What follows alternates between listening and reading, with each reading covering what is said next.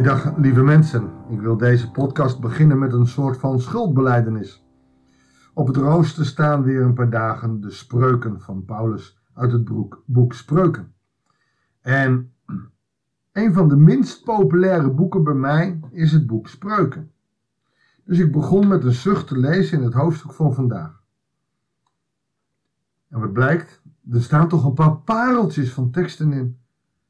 Dus ik wil mijn excuses maken dat ik over spreuken altijd moeizaam.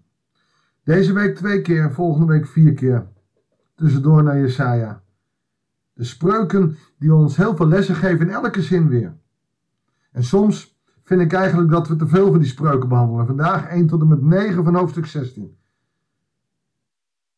En ik hoop dat ik het red binnen 10 minuten, want er staan prachtige teksten bij. Goeiedag, hartelijk welkom bij een nieuwe uitzending van het Bijbelsdagboek. We lezen Spreuken 16, vers 1 tot en met 9. En dan beginnen we meteen met een ongelofelijke scherp. Een mens stelt zich veel vragen. De Heer geeft antwoord. Daar zit iets in van. De mens verschuilt zich ook achter veel vragen. We blijven maar vragen stellen. God waarom en waarom toen en hoe. Maar nemen wij wel ruimte voor het antwoord wat de Heer ons geeft? Want als de Heer ons antwoord geeft, ben ik ervan overtuigd dat de mens steeds minder vragen zal stellen. Wij zijn alleen maar bezig met vragen. Maar nemen geen tijd om de antwoorden te vinden. En die antwoorden vinden we in de Bijbel. Die antwoorden vinden we in stille tijd. In het praten met de nauwe omgang met God. Dus als ik alleen maar vragen heb aan God, dan kan ik me afvragen of ik wel luisteren wil naar het antwoord wat hij geeft. Vers 2. Een mens kiest in zijn eigen ogen altijd de juiste weg. Heer toetst wat hem innerlijk beweegt. Je zou je haast kunnen zeggen, Salomo, die vermoedelijk de spreuken gemaakt heeft, heb je hier bij David gekeken, je vader? Psalm 139 eindigt met Grond mij en ken mij. Zie of bij mij een heilloze weg is. En leid mij op de eeuwige weg. God kijkt in ons hart. Wij denken dat we de juiste weg kiezen. Het interesseert God niet of je links of rechtsaf gaat. Maar als je linksaf gaat omdat jij dat wil, doe het dan met God. En als je rechtsaf gaat, doe het dan naar rechts. Maar doe het wel met God. Ik ken ook wel mensen die bidden net zo lang tot ze antwoord hebben dat ze naar links of naar rechts moeten. Weet je, dat maakt God niet eens zo uit. Als jij de juiste weg kiest door rechts af te gaan, rechtdoor of achteruit, weet je, dat maakt God niet uit. Het gaat erom hoe jij kiest. Kies je met God en, en ga je met God. En hij heeft beloofd toen hij wegging, ik zal bij je zijn alle dagen tot aan het einde van de wereld. Dus wandel jij met God, dan kan je niet gauw de verkeerde weg inslaan. En wandel jij met God, dan zal je door je eigen ogen ook de juiste weg gaan kiezen, omdat je geïnspireerd wordt, omdat je innerlijkheid bewogen is door God. Wanneer een mens kiest in zijn eigen ogen altijd de juiste weg, maar in zijn eigen wil, zijn eigen wil voorop stelt, en dus innerlijk niet met God bezig is, dan kies je altijd de verkeerde weg. Dus zorg dat je innerlijk bewogen bent met God. En ga maar. Je zult best eens tegen tegenslagen uh, aanlopen. Je zult best eens denken, oeps, dat was de verkeerde. dan ga je omkeren en dan ga je de andere route in. God gaat met je mee. Nou, zo al een hele preek over één vers. 3. Vertrouw bij je werk op de Heer en je plannen zullen slagen. Oh, als ik dit in de kerk zou zeggen, dan zou ik een commentaar krijgen. Nou, ik ben altijd naar de kerk geweest, maar mijn plannen slagen niet. Weet je, als je werk moet doen, of het nou privé of voor. En, en je doet het met de Heer. Je vertrouwt op God dat Hij je zal zegenen. En je doet werk waarvan je denkt, ja, eigenlijk is het niet goed wat ik doe. Maar je gaat toch door dan vertrouw je dus niet volledig op de Heer. Vertrouwen op de Heer is dat alles wat je doet ook goed is in de ogen van de Heer. En dan zullen al je plannen slagen. Dus als jij zegt, nou ja, oké, ik moet nu, uh, ik moet nu uh, zoveel geld bij elkaar verzamelen, het maakt niet uit hoe ik het doe, maar doe het, dat plan zal niet slagen. Maar wanneer je zegt, ik ga een actie beginnen, want ik moet zoveel geld bij elkaar hebben, en ik ga kijken of ik de koppen bij elkaar kan vinden, en ik ga positieve benadering, weet je, dan doe je het met God. Dan vertrouw je bij je werk op de Heer. Hij zal het zegenen. Maar dan moet je ook de ethiek, zeg maar, door God laten bepalen. En dan kan je het nog zo gek verzinnen, welk werk je ook doet, dan kan God het zegenen. En het dus laten slagen.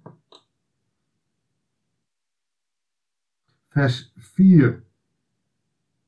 De Heer heeft alles wat hij heeft gemaakt zijn doel gegeven.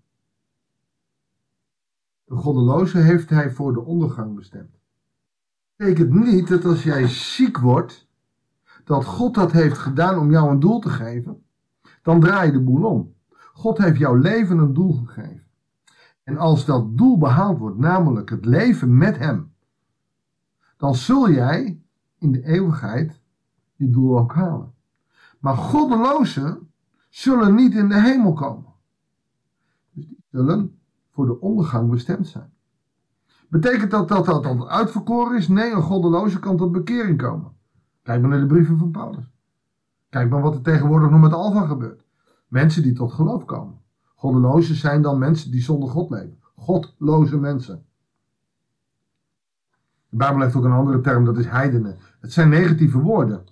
Goddeloos klinkt zo, oh, bent ook goddeloos. Nee, dat is zonder God leven. En de Heer laat alles medewerken ten goede. En hij heeft een doel met ons leven. Hoe we dat doel bereiken, dwars door de ellende heen, is niet altijd duidelijk.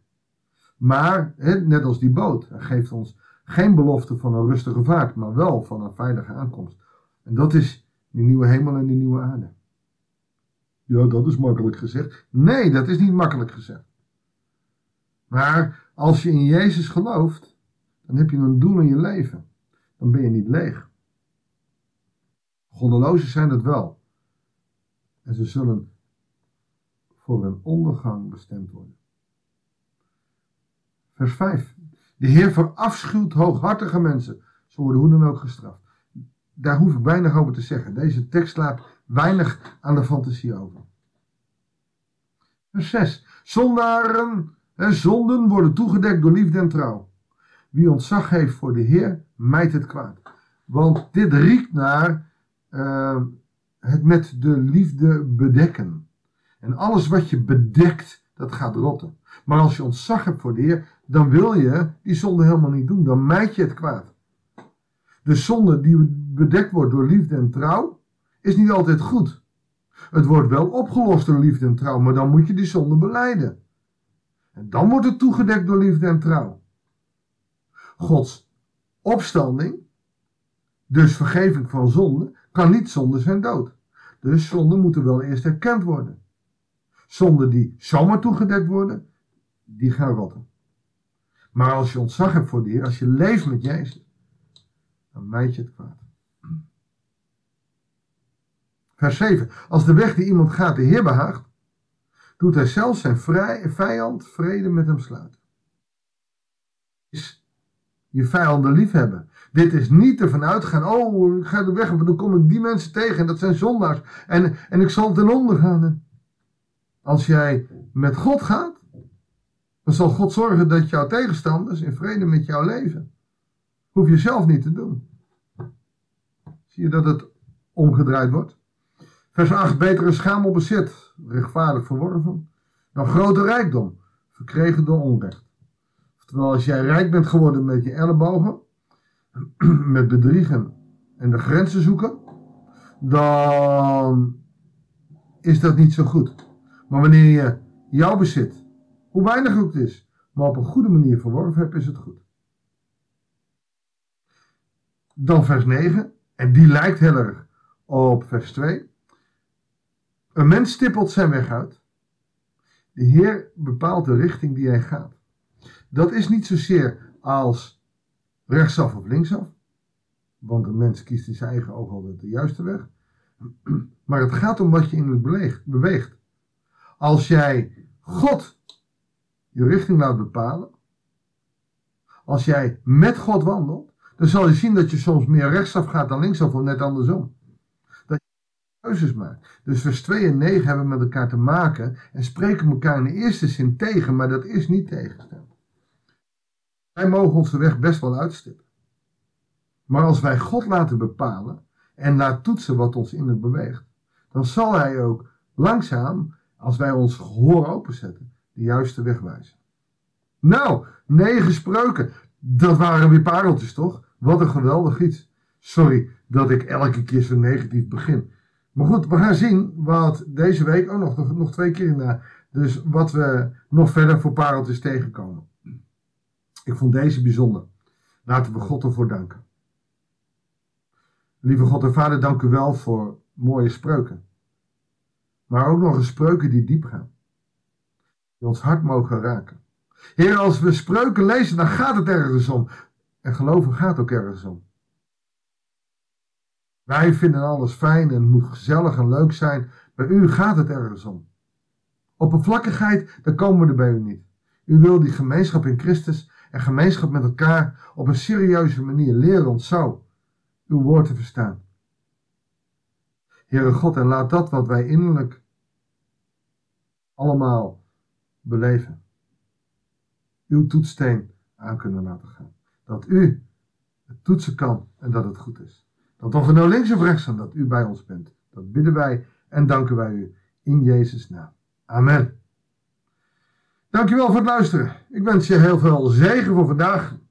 En graag tot de volgende uitzending van het Bijbelsdagboek.